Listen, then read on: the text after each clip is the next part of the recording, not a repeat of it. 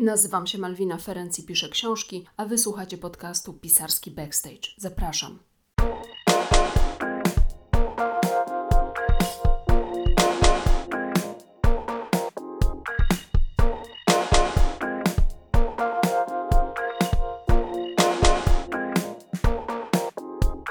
Dzień dobry, dzień dobry, dzień dobry. Witam wszystkich w 15 odcinku podcastu Pisarski Backstage, gdzie pokazuję Wam y, kulisy wszystkiego, co się wiąże z pisaniem książek i szeroko pojętym y, rynkiem wydawniczym, ze szczególnym akcentem na y, pop literaturę, czyli literaturę gatunkową, czyli to, co się czyta najczęściej. No, powiedzmy sobie to wprost. W poprzednim tygodniu od podcastu nie było. Ja staram się publikować co tydzień i do tej pory mi się to udawało, ale rzeczywistość mnie przerosła. O, to co słyszycie, to, to kichanie, to mój pies. Pies mi asystuje. No więc, y, rzeczywistość mnie przerosła, dlatego y, była przerwa, ale już wracamy do normalnego rytmu i ten rytm, jak myślę, zostanie utrzymany. A dzisiaj odcinek bardzo szczególny, bo o plagiacie jaka jest różnica między plagiatem a inspiracją, jak odróżnić jedno od drugiego, jakie konsekwencje pociąga za sobą ta różnica, czego można się spodziewać. No i taki smaczek, dwa przykłady słynnych plagiatów. Słynnych, bo hmm, może słynnych to nie jest dobre określenie, ale y, głośno o nich było ostatnio. Ja się w każdym razie z nimi zetknęłam. No i było ciekawie, bo dotyczyły y, sfery literatury. Normalną sprawą jest też to, że ja w odcinkach poszczególnych dzielę się z Wami refleksjami na temat, mm, na temat ostatnio przeczytanych książek. Dzisiaj tak nie będzie, ponieważ obawiam się, że temat, który sobie wybrałam, trochę czasu zajmie. Nie chcę trzymać Was niepotrzebnie długo, szanuję czas moich słuchaczy, staram się nie przekraczać godziny nagrania. Ufam, że tym razem y, też tej godziny nie przekroczę.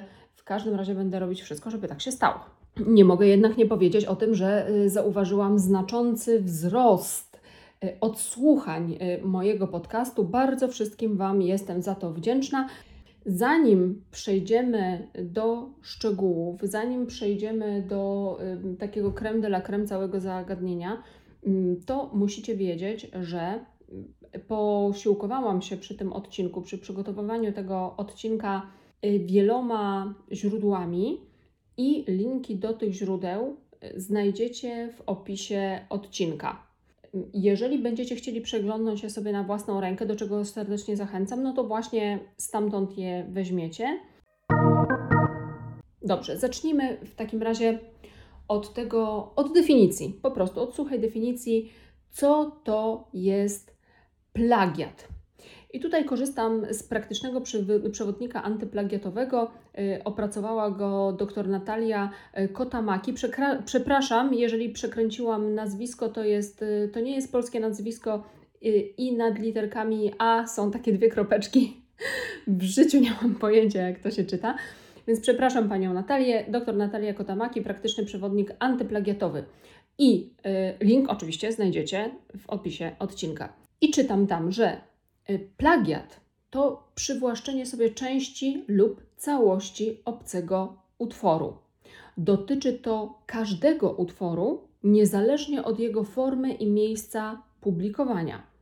Plagiatem jest zatem wykorzystanie całych tekstów lub ich fragmentów bez podania danych bibliograficznych w przypadku utworów w postaci monografii książkowych, artykułów z periodyków naukowych, a także wszelkich publikacji internetowych, artykułów z gazet, biuletynów i materiałów zamieszczanych przez różnego rodzaju instytucje, fragmentów dokumentów itd. Tak Plagiatem jest każde przywłaszczenie, nie ma znaczenia jego objętość, czy jest to jedno zdanie, akapit czy rozdział.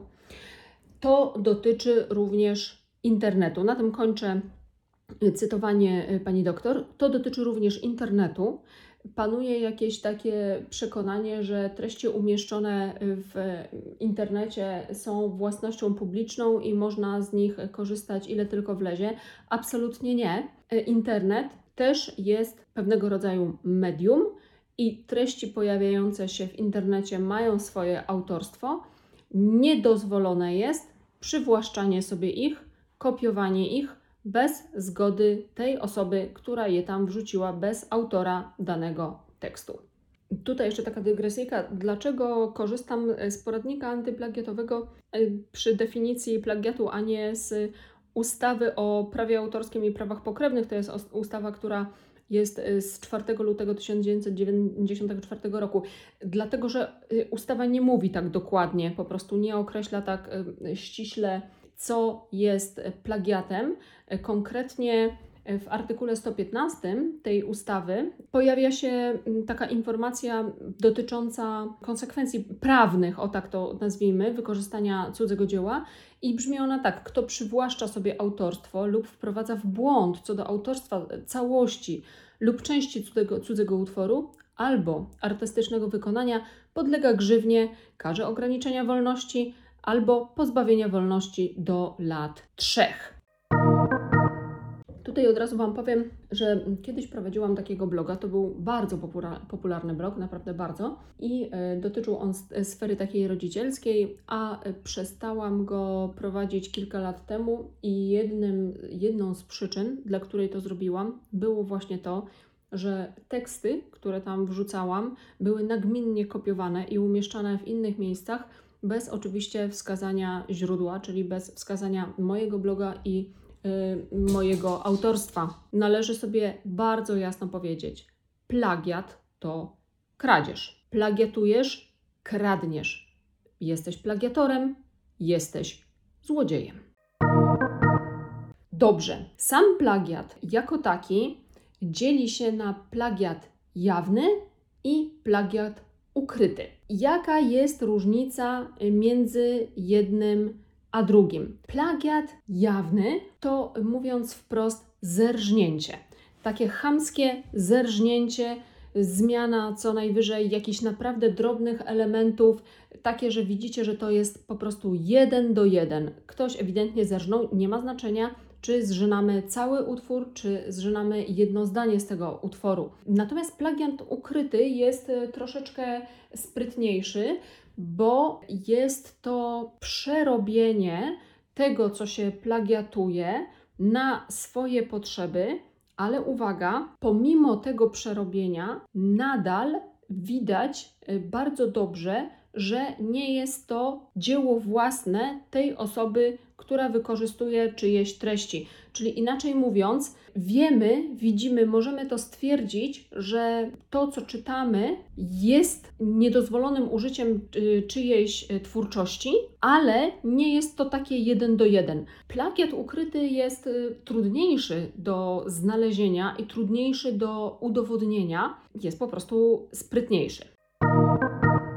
Adwokacka y, spółka partnerska Łukomski-Niklewicz, mm, na której stronę weszłam, kiedy, kiedy szukałam informacji o y, plagiacie i inspiracji, nawet mi się zrymowało, zamieszcza tam takie mm, bardzo y, merytoryczne i ułatwiające spojrzenie kwestie związane z plagiatem. I pozwolę sobie zacytować. Piszą tak, by określić, iż dany utwór został wytworzony w ramach plagiatu, muszą zostać spełnione trzy warunki. Pierwszy jest taki: w pierwszej kolejności musi dojść do świadomego przejęcia fragmentu, czy też fragmentów lub całego utworu oryginalnego. Podkreślam słowo świadome, zaraz do tego wrócimy. Po drugie, należy stwierdzić, iż przejęte fragmenty są rozpoznawalne.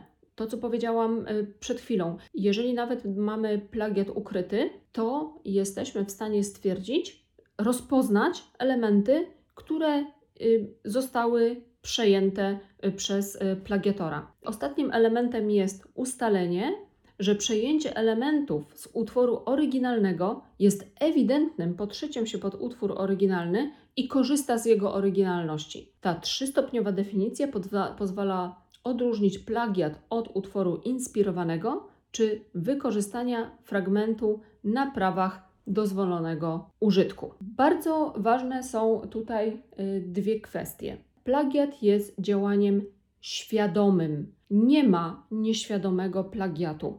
Jeżeli ktoś plagiatuje, robi to celowo, wie o tym, że to robi.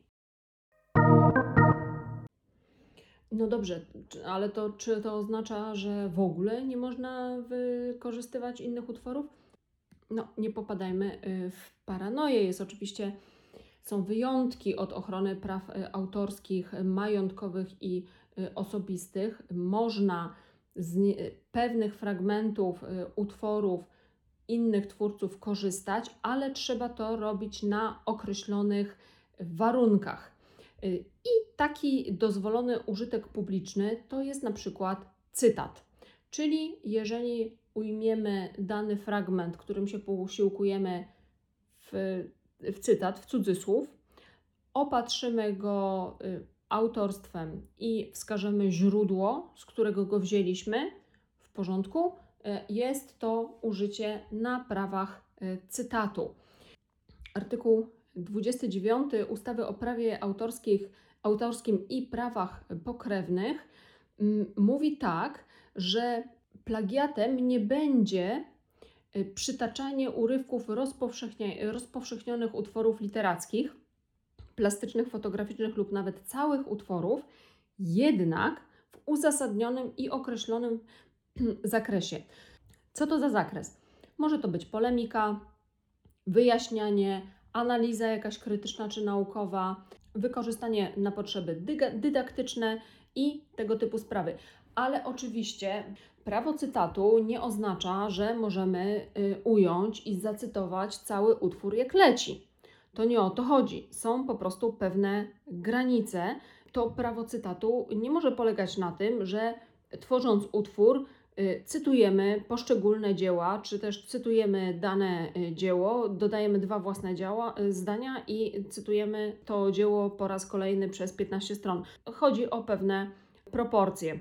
Inaczej mówiąc, cytat powinien pełnić jedynie rolę pomocniczą, a nie być filarem tego, co y, tworzymy. Artykuł 291 ustawy o prawie autorskim i prawach pokrewnych mówi też, że wolno korzystać z utworów na potrzeby parodii, pastiszu lub karykatury w zakresie uzasadnionym prawami tych gatunków y, twórczości.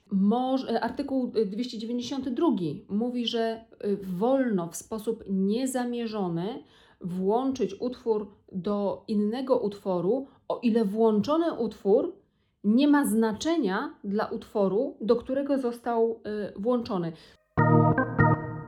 Czyli tak, powiedzieliśmy sobie, że jest plagiat jawny i jest plagiat ukryty, że plagiat jest działaniem świadomym, że są y, wyjątki, które pozwalają nam y, korzystać z danego utworu bez narażania się na plagiat, czyli to jest po prostu cytat, tudzież na przykład analiza dzieła, czy też wykorzystanie go w celach y, dydaktycznych. W takim razie, czym jest inspiracja? No i właśnie, inspirację odróżnia od plagiatu przede wszystkim to, że inspiracja nie jest kopiowaniem świadomym. Czyli inaczej mówiąc, ktoś może być zainspirowany y, jakąś książką i może nawiązując do niej stworzyć coś swojego, ale uwaga, uwaga, niech to będzie oryginalne, tak? W ten sposób y, mówimy, że ktoś został zainspirowany. Albo y, można na przykład podziwiać jakiegoś fotografa i tworzyć coś podobnego, właśnie będąc, wzorując się na nim, będąc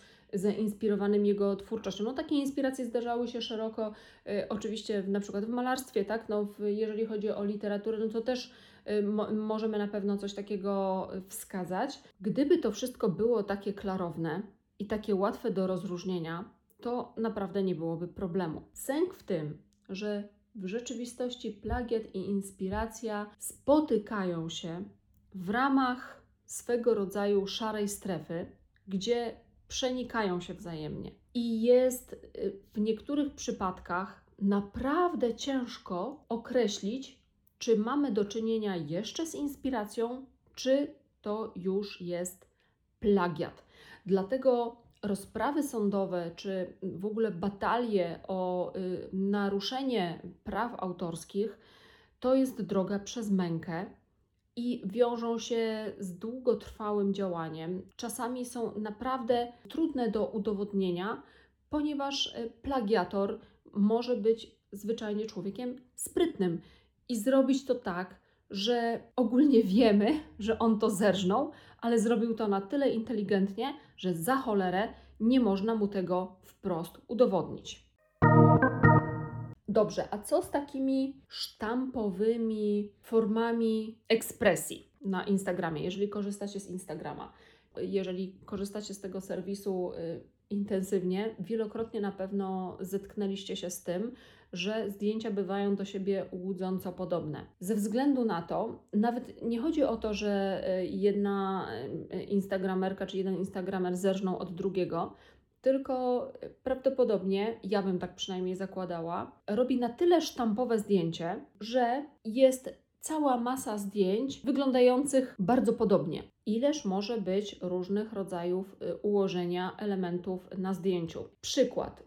Na pewno zetknęliście się, się z, tym, z czymś takim, że jeżeli widzicie zdjęcie y, w górach, jakieś zamglone, powiedzmy zła pogoda, jak jest ubrana y, jedyna osoba widoczna na tym zdjęciu. Idę o zakład, że jest w żółtej kurtce. Albo na przykład taka typowa sztampa bukstagramerska. Zgrabne nuzie, y, w skarpetuniach, y, obok kawusia z takim fiziumiziu na, na, na wierzchu, jakiś taki wzorek, a w drugiej ręce książka. Miliard takich zdjęć jest. Te nuzie w skarpetuniach przewijają się wszędzie. I to wcale nie chodzi o to, że jedna zobaczyła nuzie w skarpetuniach i sobie stwierdzi, ja też zrobię sobie nuzie w skarpetuniach, zwłaszcza, że wieść gminna głosi, że to podkręca zasięgi, co jest, że tak powiem, bullshitem, no ale cóż. Y, po prostu może nie wiedzieć o tym, że y, inna bookstagramerka, jedna piąta i piętnasta też sobie walnęła nuzie w skarpetuniach i książkę, bo jest to tak sztampowy przykład zdjęcia, że mnóstwo osób to robi i wskazuje i działa bardzo podobnie, nie mając tego, tej świadomości. Kiedyś spotkałam się jeszcze z, takim, z taką sytuacją, że y, ktoś, jakiś fotograf, y, jakiś autor zdjęcia na Instagramie zarzucił drugiej osobie, że zrobiła identyczne ujęcie z kościoła, z wieży kościoła świętej Elżbiety we Wrocławiu. Rzeczywiście oba zdjęcia były łudząco podobne. Problem tylko w tym, że z wieży kościoła świętej Elżbiety we Wrocławiu y, da się zrobić naprawdę bardzo ograniczoną ilość ujęć, ze względu na to, że no, budynki wrocławskie jakoś nie chcą się poruszać, więc no, nie ma opcji. Trudno zatem w takiej sytuacji zarzucać komuś plagiat, jeżeli można zrobić y, tylko pewną ilość ujęć, no i choćbyśmy stawali na rzęsach, nie zrobimy tego inaczej, możemy co najwyżej inaczej wyedytować y, zdjęcie. Przedmiotem prawa autorskiego jest utwór, więc najlepiej sobie określić, czym jest utwór. I tutaj sięgnę do artykułu pierwszego y, ustawy o prawie autorskim i prawach pokrewnych i przeczytam Wam. Przedmiotem prawa autorskiego jest każdy przejaw działalności twórczej o indywidualnym charakterze, ustalony w jakiejkolwiek postaci, niezależnie od wartości, przeznaczenia i sposobu wyrażenia. I w nawiasie utwór. W szczególności przedmiotem prawa autorskiego są utwory, i tutaj jest wymienione, wyrażone słowem, symbolami matematycznymi, znakami graficznymi, literackie, publicystyczne, naukowe, kartograficzne oraz programy komputerowe. Są również to utwory plastyczne, fotograficzne, lutnicze, wzornictwa przemysłowego, architektoniczne, architektoniczno-urbanistyczne i urbanistyczne, muzyczne i słowno-muzyczne, sceniczne, sceniczno-muzyczne, choreograficzne i pantomimiczne, audiowizualne, w tym filmowe. I teraz ochroną może być objęty wyłącznie sposób wyrażenia, nie są objęte ochroną odkrycia, idee, procedury, metody i zasady działania oraz koncepcje matematyczne. Dobrze, a co z tytułami? Otóż tytuły nie są objęte prawem autorskim. Tytuł w rozumieniu ustawy nie jest utworem, dlatego możecie niejednokrotnie spotkać się y, z książkami, które mają takie same tytuły, albo na przykład y, z filmami, które mają takie same tytuły, albo z książkami, które mają takie same tytuły jak filmy. I jeśli taki tytuł nie jest zarejestrowany jako znak towarowy, to nikt prawa nie łamie. Co to znaczy znak towarowy? No, przykładem takiego, takiego e, tytułu są Gwiezdne Wojny, Star Wars. Nie można sobie teraz y, zupełnie swobodnie nazwać czegoś Gwiezdne Wojny, dlatego że jest to po prostu znak towarowy zarejestrowany i jeżeli ktoś użyje go, no to po prostu łamie prawo. Jeżeli takim znakiem tytułu nie jest, może swobodnie brzmieć tak samo jak inny tytuł, z którym ktoś mógł się zetknąć. No dobrze, a co z pomysłem na książkę? Sięgnijmy tutaj jeszcze raz do y, ustawy o prawie autorskim i prawach pokrewnych, artykuł pierwszy. Ochroną objęty może być wyłącznie sposób wyrażenia. Nie są objęte ochroną odkrycia, idee, procedury, metody i zasady działania oraz koncepcje matematyczne. Kolejna rzecz Utwór jest przedmiotem prawa autorskiego od chwili ustalenia, chociażby miał postać nieukończoną. I zobaczcie, utwór musi zaistnieć. Wedle tego, tak jakby się interpretowało ten zapis, pomysł nie jest objęty prawem autorskim, ponieważ jest to jakaś idea. Tak? Tutaj ustawa jasno stwierdza, że nie są objęte ochroną odkrycia i idee. Więc jeżeli idziesz sobie z psiapsiłą do kawiarni i mówisz jej, słuchaj stara, mam zarąbisty pomysł na powieść i po prostu to będzie, no jak nie Nike, to Nobel, jak nic. Po czym jej mówisz ten pomysł, ona stwierdza, że no nie, no super stara, faktycznie, no to jest coś, nad czym walcz, walcz.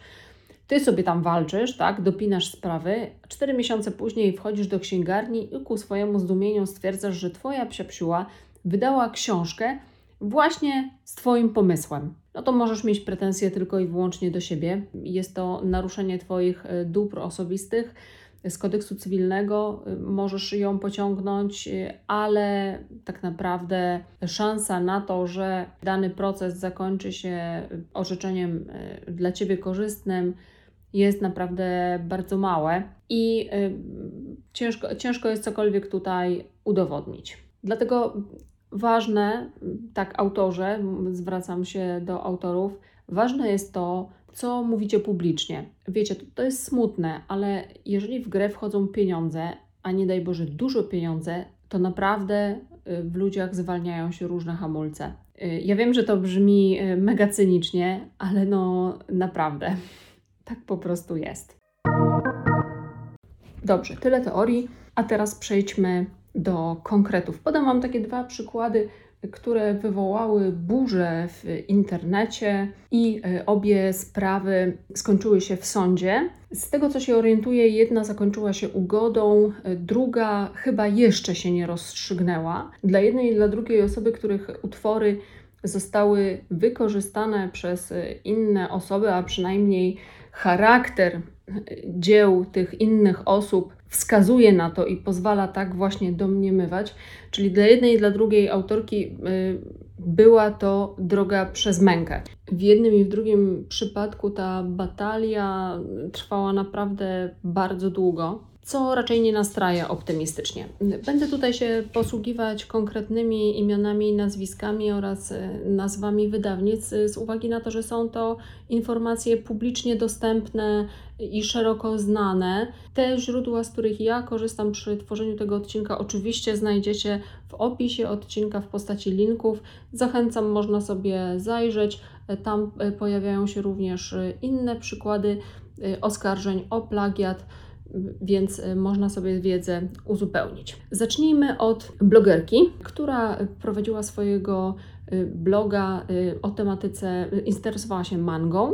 Pisała sobie w internecie na tym swoim blogu historię, tworzyła kolejne rozdziały, czyli była publikacja, tak? Nie chodzi tutaj o pomysł.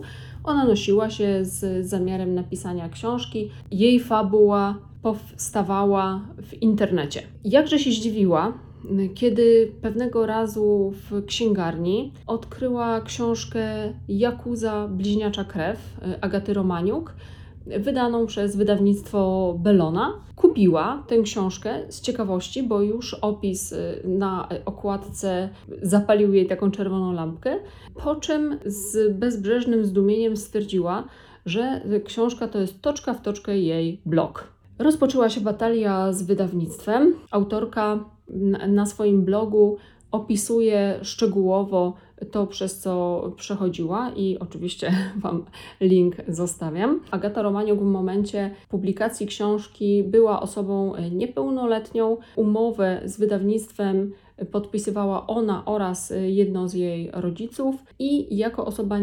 niepełnoletnia nie poniosła konsekwencji karnych tego, co zrobiła. A zatem autorka bloga wytoczyła sprawę sądową z oskarżenia publicznego, czytam tak na stronie biblionetka.pl i ta sprawa y, zakończyła się ostatecznie potwierdzeniem zarzutu naruszenia praw autorskich, no ale to co powiedziałam, odstąpiono od ukarania osoby, która wykorzystała utwór blogerki z uwagi na to właśnie, że ta osoba była niepełnoletnia. Samo y, wydawnictwo, jak czytam na biblionetce, samo wydawnictwo tłumaczyło, że nie mogli sprawdzić autentyczności książki, bo uwaga, uwaga, wydają 300 książek rocznie i nie mają na to czasu. I teraz przejdziemy do y, drugiego przykładu wykorzystania czyjegoś utworu w innej publikacji. Druga taka sprawa, co, która odbiła się szerokim echem w internecie, albo przynajmniej w tej bańce internetowej, w której ja na co dzień e, przebywam. Dotyczyła e, małżeństwa blogerów Marty i Adama Biernatów, którzy e, napisali książkę o Islandii. Ta książka nosiła tytuł Rekin i Baran Życie w cieniu islandzkich wulkanów.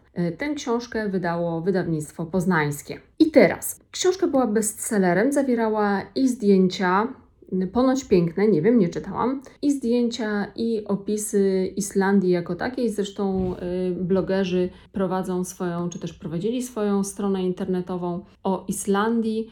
Wielokrotnie na tej wyspie byli no, mieli o czym pisać. Wszystko było świetnie, tylko że mniej więcej dwa lata po publikacji okazało się, że tekst, który został użyty, w bardzo wielkiej części, bo konkretnie w około 90% pochodzi z innej książki i jest to książka islandzkiej pisarki, postaram się przeczytać imię i nazwisko, Aldy Sigmundsdottir, opublikowanej wcześniej, która no właśnie stanowiła y, niezwykle cenne źródło danych dla y, blogerów piszących książkę Rekin i Baran. Islandzka pisarka dowiedziała się o wykorzystaniu swojego tekstu zupełnie przypadkiem. Znaczy, przypadek miał postać jednej z jej czytelniczek, która kupiła książkę Rekin i Baran, a wcześniej czytała po angielsku książkę y, pani Sigmund Dottir i ze zdumieniem stwierdziła, że to jest właściwie to samo. Po czym skontaktowała się z pisarką i powiedziała jej, że tutaj jest taka sytuacja, że bardzo podobny tekst w tłumaczeniu na polski znajduje się w takiej i takiej e, książce. Pani Sigmund Dottir e, rozpoczęła batalię z wydawnictwem poznańskim i przez pewien czas e, przepychanki trwały w mediach społecznościowych. Jedna i druga strona zarzucała sobie nieuczciwość, czy też mijanie się z prawdą. Islandzka autorka wynajęła swoich prawników i cóż, no i rozpoczęło się postępowanie sądowe. Blokowano się w social mediach, autorzy podobno nie odbierali przesyłek poleconych, więc y, no, tak nieciekawie to y, wyglądało. I już po stwierdzeniu, że są tutaj jakieś mocne niejasności, książka przez ponad rok jeszcze była dostępna w sprzedaży. Ale jak już sprawa wyszła na jaw, internauci y, rozpoczęli swoje prywatne śledztwo, po czym doszli do wniosku, że w książce Rekin i Baran y, wykorzystano tekst nie tylko islandzkiej autorki, ale również innych publikacji, między innymi pewnego przewodnika turystycznego, a nawet teksty z, uwaga, uwaga, żelków Haribo. No i wtedy się zaczęło. O jakim podobieństwie tekstu tutaj mowa, bo to jest ciekawe. Przeczytam Wam fragment właśnie który jest porównaniem. Y, pierwszy fragment y, dotyczy opisu y, z żelków Haribo, tekst z żelków Haribo, a drugi to jest fragment książki Rekin i Baran, strona 206. Na żelkach jest tak. Historia lubianej lukre lukrecji lub też korzenia lukrecji, z którego uzyskuje się sok, sięga kilka tysięcy lat wstecz. rekin i baran. Historia korzenia lukrecji, z którego uzyskuje się obecny w słodyczach sok, sięga nawet kilku tysięcy lat wstecz. Żelki Haribo. Ta słodka, pikantna lub słona, w zależności od dodatków, przekąska do XVIII wieku znana była głównie jako środek leczniczy. Lukrecję stosowano głównie na przeziębienie i dolegliwości żołądka. I teraz rekin i baran. W zależności od dodatków, ta słodka, pikantna lub przejmująco słona przekąska do XVIII wieku znana była głównie ze względu na swoje właściwości lecznicze, a stosowano ją po to, by przeciwdziałać oznakom przeziębienia i walczyć z dolegliwościami żołądka. Przemyślenia zostawiam Wam. I może jeszcze drugi fragment. Tutaj porównanie Islandia, przewodnik turystyczny National Geographic autorstwa Andrew Evansa, no i rekin i baran. Najpierw przewodnik turystyczny. Islandia jest najbardziej wysuniętym na zachód państwem europejskim, mimo że równie dobrze mogłaby być uznana za najbardziej wysunięty na wschód punkt kontynentu amerykańskiego. Rekin i baran. Islandii zostało przyznane sławetne miano najbardziej wysuniętego na zachód kraju w Europie, lecz równie dobrze można by ją ochrzcić osadzonym najdalej na wschód punktem kontynentu amerykańskiego. National Geographic. Grzbiet śródatlantycki przebiega przez sam środek wyspy i czysto teoretycznie dzieli Islandię pomiędzy dwa kontynenty. Rekin i baran. Przez sam środek Islandii przebiega grzbiet śródatlantycki, który stawia wyspę w nietypowej sytuacji podziału pomiędzy dwa kontynenty. Jak widzicie, to nie jest takie podobieństwo linearne 1 do 1, ale nie da się nie zauważyć, że ono zachodzi. W linkach do tego odcinka podcastu zostawię Wam oczywiście e, wszystkie źródła, z których korzystałam. Mam również e, coś takiego, taki PDF, gdzie jest porównanie y, różnych źródeł, z, który, z których odbicie znalazło się w książce Rekin i Baran. Zobaczcie to sobie, porównajcie. Tam jest podane nazwa źródła, strona, na której występuje dany cytat i analogicznie strona, na której coś podobnego znaleziono w książce Rekin i Baran. I teraz zobaczcie. Autorka islandzka o publikacji dwójki blogerów dowiedziała się tylko dlatego, że y, ktoś jej o tym powiedział. Wcześniejsza blogerka, o której była mowa, dowiedziała się y, o publikacji, no, bo odkryła książkę w księgarni, natomiast wydawnictwo jej powiedziało, że ponieważ wydaje 300 książek rocznie, to tego nie weryfikuje, nie, wy, nie, wery, nie weryfikuje autentyczności tekstów. Dlaczego to podkreślam? Stawiam taką tezę, że jest prawdopodobne, że y, są plagiaty przechodzące nam tak naprawdę koło nosa, y, niezauważone. Ktoś się na kimś y, wzoruje, ale w sensie nie inspiracji, tylko po prostu czerpie z tekstu, który już powstał, a to umyka ogólnej opinii ze względu na to, że jest tak wielki nawał kolejnych publikacji na rynku wydawniczym. Jedno wydawnictwo Belona publikuje 300 tytułów y, rocznie, a to jest tylko jedno z wydawnictw, które istnieje. Jest możliwe, że y, po prostu y, mm, osoby, które korzystają w sposób nieuprawniony z dzieł innych osób, funkcjonują sobie i pozostają niewykryte z uwagi właśnie na na tę mnogość tytułów funkcjonujących na rynku.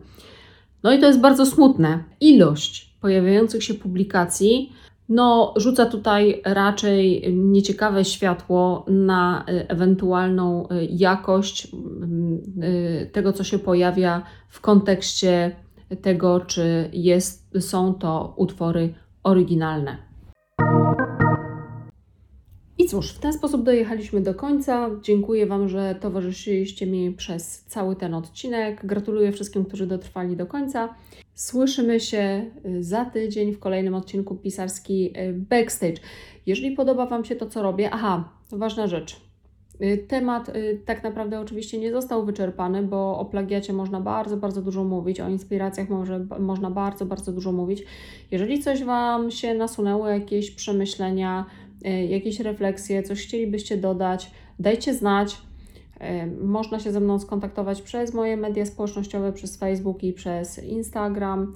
Jeżeli podoba Wam się to, co robię, powiedzcie o tym podcaście znajomym, podajcie go dalej, ocencie, można różne gwiazdki tam zostawiać. To jest fajna rzecz, mnie to naprawdę motywuje do działania. Dodajcie ten podcast do obserwowanych, nie umkną Wam kolejne odcinki.